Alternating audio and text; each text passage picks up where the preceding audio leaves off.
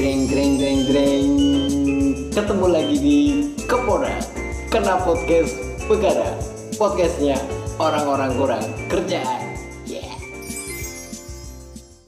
Oh sebelumnya gini kita bikin disclaimer ya. Kita ngomong di sini dalam ranah opini sebagai yang pernah mengalami atau kita sharing pengalaman sebenarnya. Sharing. Terus yang kedua audionya memang tidak terlalu baik tapi setidaknya bisa didengarkan lah ya buat teman-teman semua.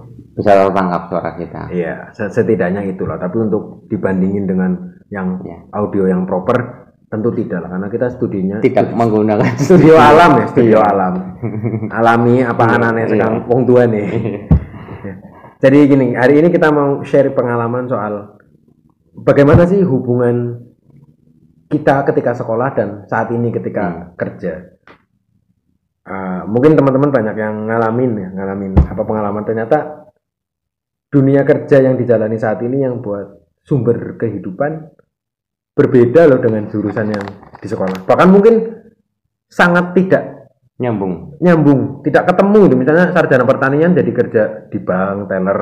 Kan nggak mungkin teller ngitungin meteran hektar Iya. gitu ya. Atau- ngitunginnya jumlah tabungan Marketing. Iya. Ada juga yang sekolah marketing malah jadi petani. ada petani Iya. mungkin ada yang sekolah kehutanan jadi presiden Iya. Ya, karena jurusan presiden kan nggak Iya. Yang ada jurusan kehutanan. Iya. Juga artinya sebenarnya sangat banyak profesi yang tidak ada jurusannya. Iya. Lebih- Dan sangat banyak profesi yang oversupply. Contoh kayak saya, saya nggak kuliah ya, nggak nggak punya titel sarjana. Tapi SMK katanya dengan tagline SMK bisa. Kalau SMK disiapkan untuk mengirim anak-anak ke dunia industri, Hmm. tiap tahun ada berapa juta anak SMK yang lulus Lulus. dari Banyak sekolahan sekali, banyak sekali. banyak sekali mungkin jumlahnya jutaan ya per kota itu udah ribuan apa iya kebutuhan Tiap tahun ya. tiap tahun mekanik Iya. katakanlah kalau kita akan disiapkan untuk mengisi Astra, Honda dan Perusahaan-perusahaan. perusahaan-perusahaan otomotif dan industri lah ke industri Engineering dan engineering mungkin minyak tambang dan Hmm.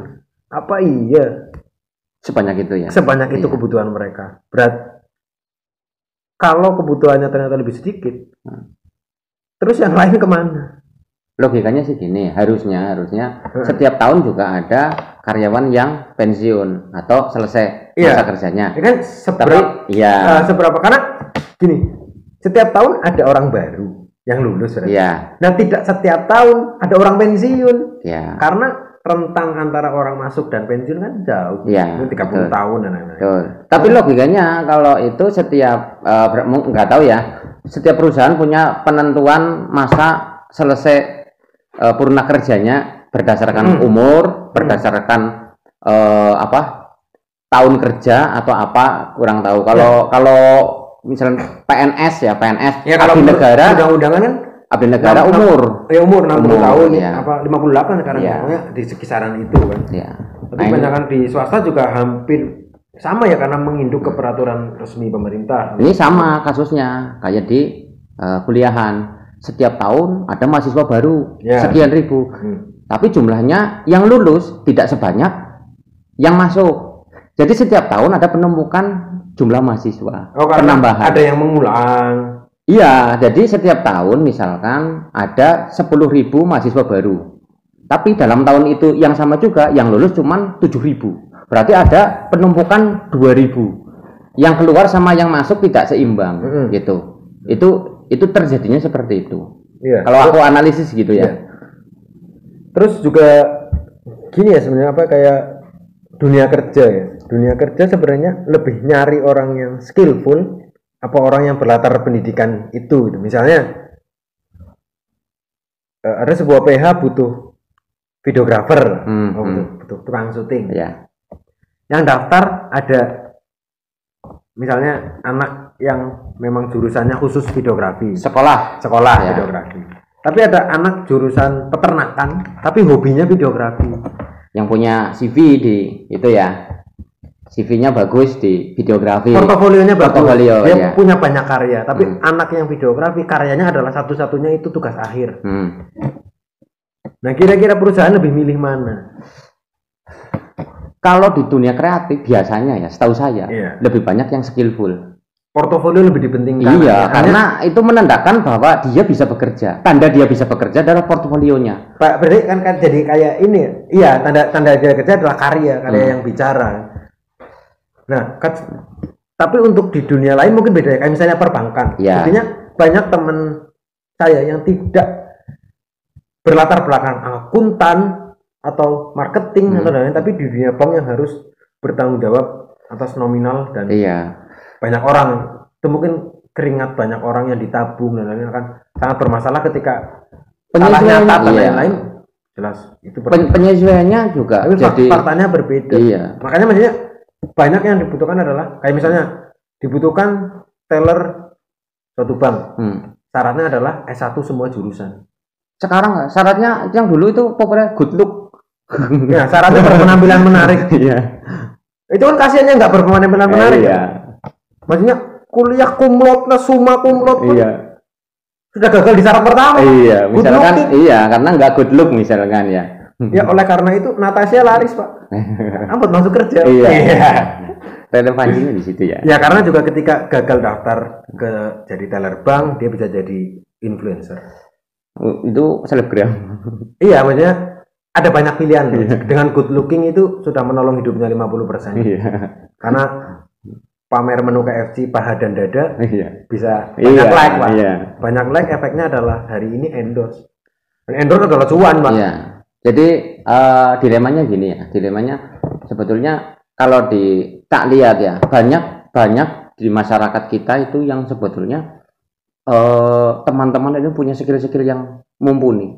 Cuman mungkin Di banyak dia- bidang. di banyak bidang. Cuman dia tidak melaluinya dengan eh, pendidikan formal atas bidang itu. Ya artinya kebanyakan berangkat dari hobi istilahnya. Hobi berarti Ah, istilahnya eh, apa ya istilahnya yang belajar sendiri eh, Otodidak. otodidak. tidak Ngulik belajar sendiri ya. maksudnya iya ngulik sendiri komunitas per komunitas itu kan Iya. Pak, ngumpul dari obrolan kayak gini betul jadi ilmu yang bisa apa ya dia praktekkan sebenarnya sih, Betul. karena rajin ngulik ya Iya. dia bener-bener tahu dunia dunia desainer desain Ah, grafis iya, itu banyak itu banget. banyak sekali Banyak yang yang- luar biasa jago-jago dan Dan- malah dapat tempat di luar negeri. Ya dan malah bukan anak DKV iya biasanya gitu bukan anak DKV dia hobi dari waktu SMP atau SMA utak-utik komputer untuk desain gitu segala macam. Akhirnya passionnya dan antusiasnya di situ tinggi dia mendalami sendiri. Dan sekarang eh, asiknya enaknya itu kemudahan untuk mendapatkan informasi soal teori-teori misalkan eh, desain grafis seperti apa sih gitu kan Hmm. kita belajarnya di internet itu banyak iya dan berkembangnya bisa lebih bagus. Gitu. Nah itu tapi banyak sekali di Pro- dalam negeri ya. problemnya YouTube nggak ngeluarin titel Ya. sarjana per youtuber Iya, SP Iya. Eh iya, sarjana YouTube.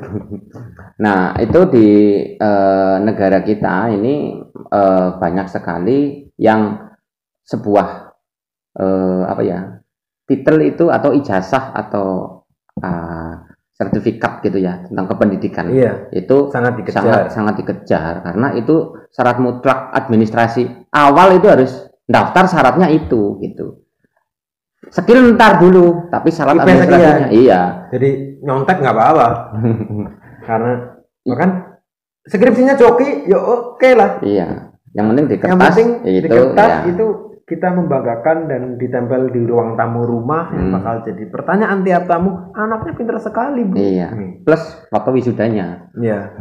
dan itu masuk di peringkat tertinggi kebutuhan manusia Maslow hierarki Hmm. self esteem pengakuan diri itu penting kita, iya kita sekarang di, egois di, di, di masyarakat kasih makan ego kita iya di masyarakat itu kan eh, paradigmanya eh, iya sarjana itu orang pintar Iya sekolah tidak belajar gitu. Iya. Harusnya yang kita yang kita bangun dulu adalah Belajar. belajarnya. Hmm. Masalah sekolah itu sebetulnya eh, ya sekolah harusnya itu ada unsur belajarnya, gitu kan. Jadi iya ya kebanyakan kayak aku sendiri ya, kayak aku sendiri sekolah juga asal-asalan waktu itu karena satu itu bukan yang aku pengenin sebetulnya.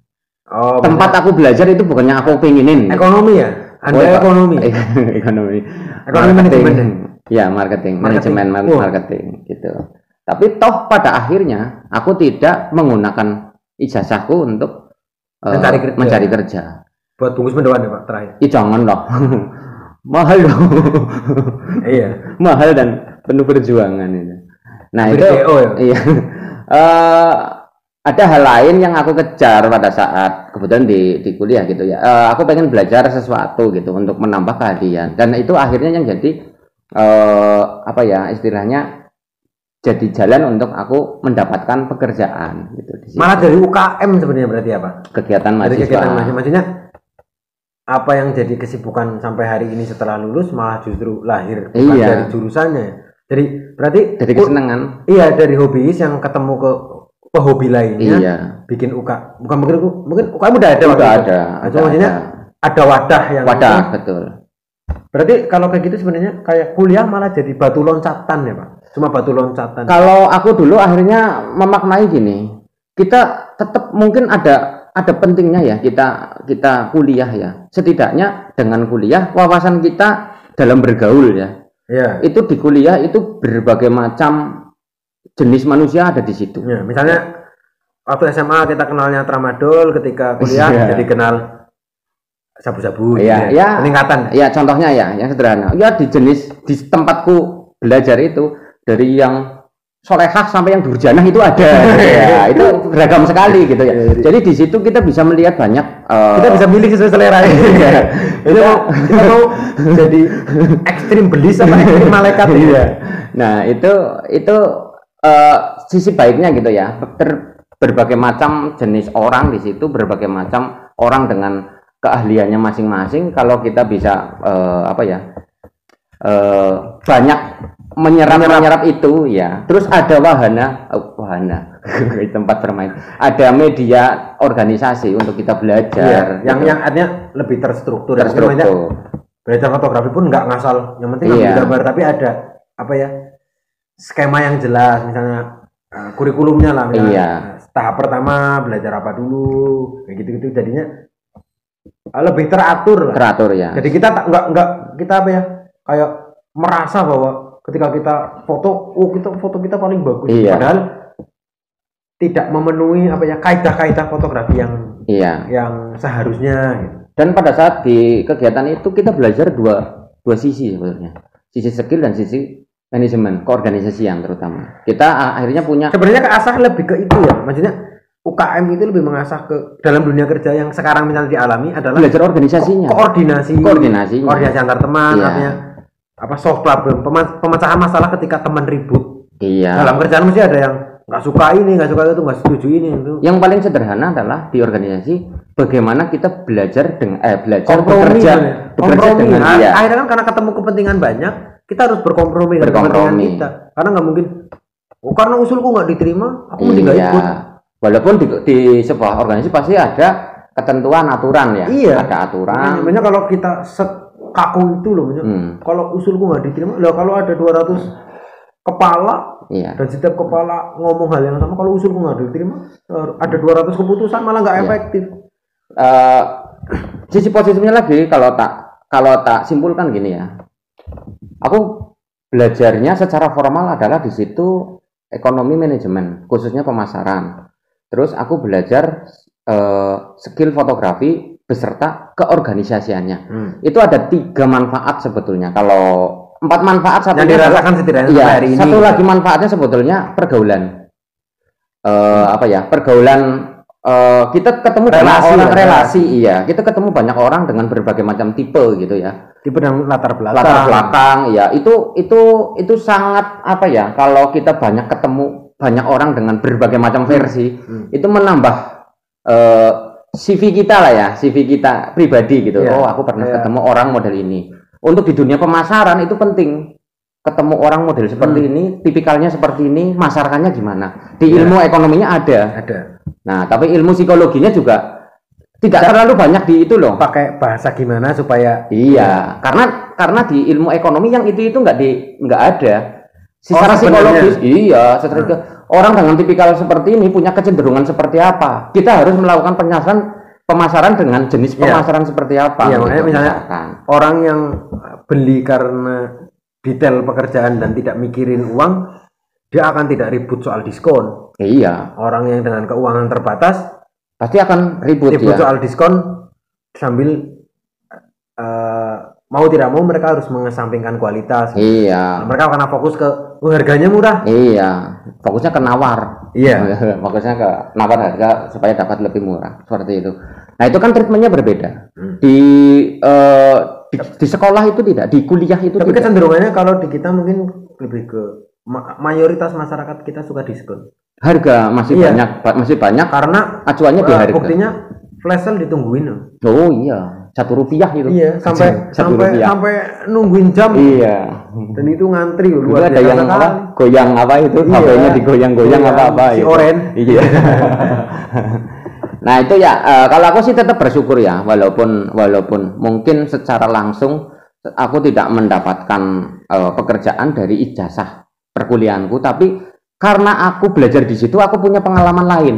Hmm. Manfaatnya sampai hari ini di, di itu ya Pak di dunia kerja Iya, lebih, itu lebih kepake. kepake malah kalau sisi sisi, apa ya pengembangan diri di UKM. Iya, itu is- ibaratnya skill itu jadi profesiku saat ini Iya, gitu kan. iya. Banyak juga teman-teman yang eh, apa Sesuai. profesinya pro, enggak profesinya kayak aku gini. Karena Ah. skillnya. Oh iya. Tapi sebagian besar mungkin teman-temanku ya karena eh, dia sekolah dapat ijazah, nanti ijazah itu sebagai eh, Walaupun acuan. tidak di dunia yang sama ya. Iya, dia di eh, apa ya sales motor tapi bagiannya admin. iya. Padahal jurusannya marketing. Marketing harusnya, iya. Iya, tapi malah beda. Beda, ya. Artinya berarti gini kesimpulannya. Nah, kebetulan saya pernah kerja di ini ya, aku pernah kerja di eh, perusahaan eh, kapal pesiar luar negeri. Pelayaran ya, Iya. Jadi yang aku lihat kalau di sana lebih ke skill skill. karena supervisorku, manajerku waktu itu orang Indonesia juga, tapi nggak lulus kuliah. Berarti pakainya ijazah SMA ya? Iya, bahkan bahkan berarti Bahkan- jasa itu tidak penting. Tidak ijazah ya? Iya, karena begitu naik profesi Syaratnya bukan- apa sih? Tapi eva- Masuk- hasil evaluasinya bagus. Hmm. Hasil Enggak, evaluasi kerja. masuk pertama dulu ada syarat Syaratnya pengalaman. oh pengalaman. Loh, kamu oh iya dulu kamu pernah ada pengalaman Syaratnya itu. di itu ya Syaratnya di tempat lain. Iya, kalaupun ada ijazah yang satu aliran sebenarnya tidak begitu masalah. Kalaupun beda, Hmm. tapi punya pengalaman di mana, jadi working experience, kertas pengalaman itu lebih penting daripada kertas ijazah. Hmm. Setauku kalau di dunia internasional. Tapi ada juga kan yang eh, dia sudah punya sertifikasi apa? Kalau di internasional, iya, dia misalkan iya, diakui gitu. iya diakui lembaga internasional. oleh lembaga iya. Iya. Misalkan kamu seorang engineer, mana sertifikat sertifikasi kamu? Nah, itu berarti kayak kayak engineer di dokter gitu? eh, itu koas gitu harus harus dia nanti sertifikasi profesi. profesi ya. Nah, kalau Nanti kalau saya di dunia perhotelan nggak ada seperti itu, tapi untuk pada level manajer dan lain-lain, mereka bisa ke level itu asalkan mereka tahu tugasnya. Hmm. Poinnya itu sesederhana itu. Mereka mereka tahu orang ngapain. track recordnya itu kepake sekali ya. ya, tapi mereka harus mulai tetap dari bawah. Hmm, Chef ya. Juna ngalamin itu. Chef Juna bukan Langsung dia dia tidak berdasar apa ya sekolah sekolah masak. masak ya. Dia tadinya cuma iseng daftar jadi pelayan, terus ditawarin jadi cook helper. Cook helper itu tugasnya nyuci piring. Bukan pegang ini ya bahan makanan belum- ya, belum belum, pegang. cuma nyuci piring. Sampai akhirnya jadi anak is- istilahnya chef. Chef itu adalah eksekutif chef. Tugasnya dia sudah bukan masak, tapi bikin forecast, bikin Hmm. perkiraan Manajemen manajemennya. manajemen dapur ya. Iya. Dan bahkan ketika orang-orang kayak gitu profesional menerima sekalipun dari sekolah masak paling Iya. terkenal se Amerika sedunia pun dia harus mulai dari nyuci piring. Iya. Artinya untuk di Indonesia menurutku style seperti itu masih tidak umum. Iya. Karena Orang bisa ujuk-ujuk masuk apalagi ke- ke- kekuatan orang dalam itu tiba-tiba Kayak lebih tinggi dari ya? yang udah lama. Lebih kuat dari Sailor Moon ya, kekuatan bulan. Iya. gitu. kan Sailor Moon kekuatan datang bulan ini kekuatan Orang kiran, dalam. kiranti soalnya dia menyembuhkan datang bulan Iya. ini lebih makanya jadi apa ya secara skill karena dia dari bawah lebih matang Iya. nah kita kebanyakan nggak nggak jenjangnya nggak karir seperti itu biasanya. Pun naik karena kenal, Iya. karena kenal yang eh, siapa orang yang ber eh, posisi menaikkan jabatan orang ya kita dekatin saja dia. gitu. Nah. Bukan gimana kita perform dengan baik maka evaluasi itu. Ya tentu tidak semuanya, Iya, tapi iya, pasti iya. aroma itu masih kental sih. Ya diakui apa tidak. Tapi yang kita rasakan di dunia kerja secara umum umumnya gitu ya. gitu sih. Iya. karena aku pernah di kerja di perusahaan banyak Indonesia dan luar negeri jadi standarnya yang dirasa kayak gitu ada sebuah cerita ini ya ini ini pengalaman ya soal bagaimana eh, negara kita mengelola pendidikan gitu. Yang nanti ujungnya adalah bagi yang berpendidikan peluang-peluang bekerjanya seperti apa. Jadi gini saudara gitu ya aku nggak sebut nama lah. Ada se- ada seorang saudara gitu itu eh, dia punya eh, gagasan menurutku sangat cemerlang gagasan sangat cemerlang. Karena dia itu merasa punya nggak tahu ya istilah dia mungkin punya hutang atau apa gitu ya. Hutang untuk eh, apa ya sharing. Ngebagi banyak orang ngebagi apa yang dia punya ya, gitu. berbagi punya. Dia seorang profesor di bidang ilmu tanah ilmu bumi. Oke, geologi, geologi, ilmu bumi, geologi. Dia bekerja, dia juga profesor di sebuah universitas ternama di Kota Bandung, gitu. Terus dia juga jadi, inisialnya nah, jangan lah, itu ya jangan. Eh, ini ini agak lumayan ini sih ya. Nah, terus dia itu selain sebagai pengajar dosen juga dia eh, sebagai kayak semacam konsultan untuk Oh. pertambangan-pertambangan gitu, perusahaan-perusahaan miner. Dia punya dia punya gagasan gini, eh, di- aku harus aku harus berbagi ya, berbagi ilmu. Atau aku nggak tahu sih ya, eh, karena dia punya hutang apa gitu ya. Dia eh, membuka sebuah program pembelajaran gratis, Hmm. pembelajaran gratis. Soal geologi. Full geologi. Full geologi. Dia sudah buka di Jogja waktu itu. Dan di eh, Purwakarta dia kepengen khusus di Purwokerto dia pengen buka karena dia punya memorial yang eh, apa ya lekat karena dia sekolah SD di sini oh ah, kecil pernah di sini Iya, sekolah SD sampai selesai di sini di Purwokerto. Dia pengen buka lagi satu di sini.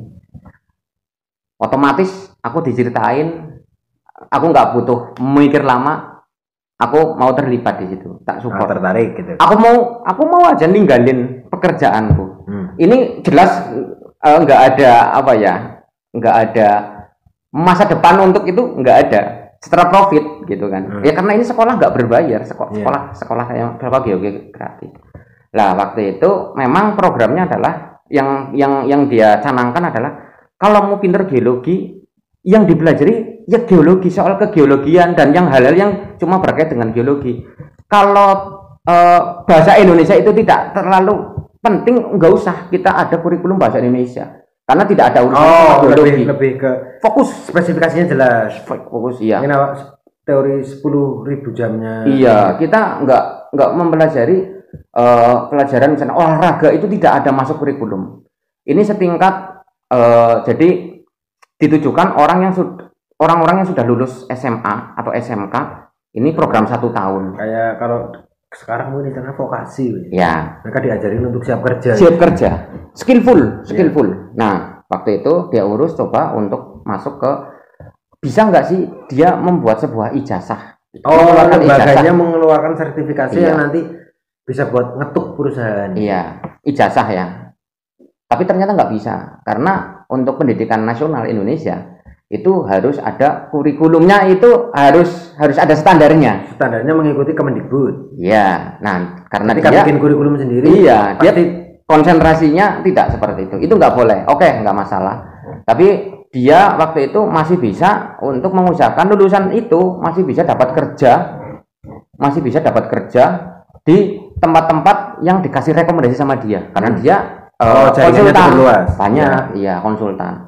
Dia masih mau, eh, dia masih sangat itu. Ini potensi untuk mencari orang-orang eh, yang punya skill bener-bener skill Hmm. Ya, dia pernah eh, ngobrol gini sama aku bercandanya yang lulusan universitas mana lah A katakanlah gitu yang S1 berani aku adu sama yang sekolah setahun di sekolahku Hmm. Skill. Soal geologi ya. skill di lapangan Iya, skill di lapangan geologi. iya skill di lapangan Mungkin urusannya mungkin uji amdal dan lain-lain. iya Eh, ya oh, soal ilmu perbatuannya ya lebih ke itunya Ah, soal itunya aku berani adu sama yang itu karena mungkin 75% adalah praktikum ininya praktek. iya Ya, jadi lapangannya kita- sangat kuat Iya. Try, try and fail lah. Iya. Mencoba dan gagal, mencoba dan gagal. Iya, karena betul. diulangi terus menerus. nah itu sampai gitu nah ini pengen bangun nih lagi satu di Prokerto udah tak siapin aku ikut support aku cari tempat segala macam. Udah kerjasama sama teman gitu. Ada eh, eh, omnya temanku itu punya yayasan gitu. Sekolah tapi sudah vakum. Gedungnya masih ada. Oh, kosong. kosong. Nah. aku tembusin. Udah sepakat plus nanti gedung mau kita eh, ambil Artinya masih ambil tiga. Iya. Tiga ruang gitu lampu hijau buat running makin kebuka gitu. nah itu sih disupport banget karena dia juga pengen mengaktifkan lagi Oh, iya, iya, iya. nah itu kan Nah, terus akhirnya gimana? nah ini udah persiapan udah tinggal action aja ya aku malah sudah disiapkan eh, Mungkin malah mungkin udah ini ya mulai sounding ke Iya. kalau mau belajar geologi gitu. gitu. ya belum sih belum sampai situ Oh, sampai iya. arahnya sudah mau bikin promo Oh iya iya. Nah, karena waktu itu untuk istilahnya kita tetap mengikuti kayak apa ya? eh, kurikulum kurikulum bukan eh, apa kalender pendidikan nasional. Hmm. Eh, masuk awalnya sekitar bulan Juli sama. Nanti setahun selesainya tahun depan Juli lagi. Nah, itu sampai sama gitu eh, tak tunggu kabarnya setelah satu bulan telepon saudaraku. Nah, ini aku mau cerita gitu. Ada kabar yang kurang mengenakan gitu. Ngobrol-ngobrol-ngobrol, anu gimana? Rencana kita yang untuk buat sekolah di sini kayaknya di Purwokerto kayaknya harus kita batalkan. Lu kenapa? Ini udah tak siapin gitu. Aku support dari sini. Soalnya baru dua hari yang lalu aku dapat kiriman ada peraturan baru menteri bahwasanya perusahaan-perusahaan pertambangan itu Tidak boleh menerima orang sembarangan. harus yang diterima harus bersertifikat, harus berijazah, kuliah. Kalau nggak salah, pokoknya berijazah lah ya. Berarti dia harus melalui sekolah formal. Berarti eh, iya banyak orang-orang yang ahli meski tidak berlatar belakang pendidikan serupa sejalan dengan Iya. yang akan dikerjakannya, tapi kebentur regulasi. Betul. Nah, itu yang Berarti bukan gini kadang bukan perusahaan yang kadang mau kayak gitu sebenarnya. ya. Perusahaan juga harus nurut dengan regulasi yang ada soalnya. Oh. Gimana dia bernaung gitu loh. Ya, tapi bisa jadi gini, bisa jadi gini. Ya itu tadi ya, tak selesai dulu ya. Itu akhirnya kita stop Hmm. saudaraku yang Hmm. aku stop aja. Loh kenapa? Nggak diterusin? Toh ini pengetahuan ini banyak yang butuh.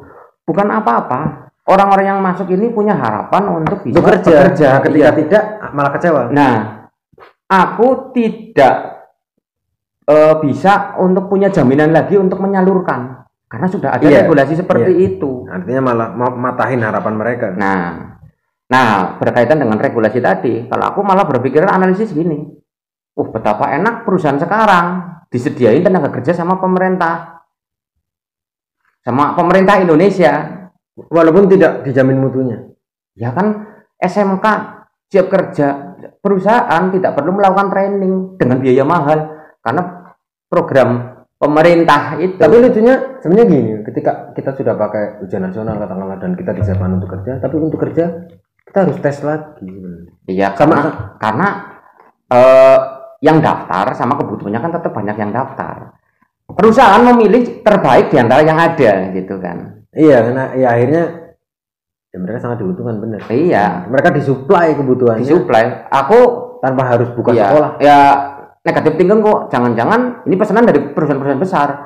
Perusahaan-perusahaan itu mengurangi kos untuk pelatihan gede.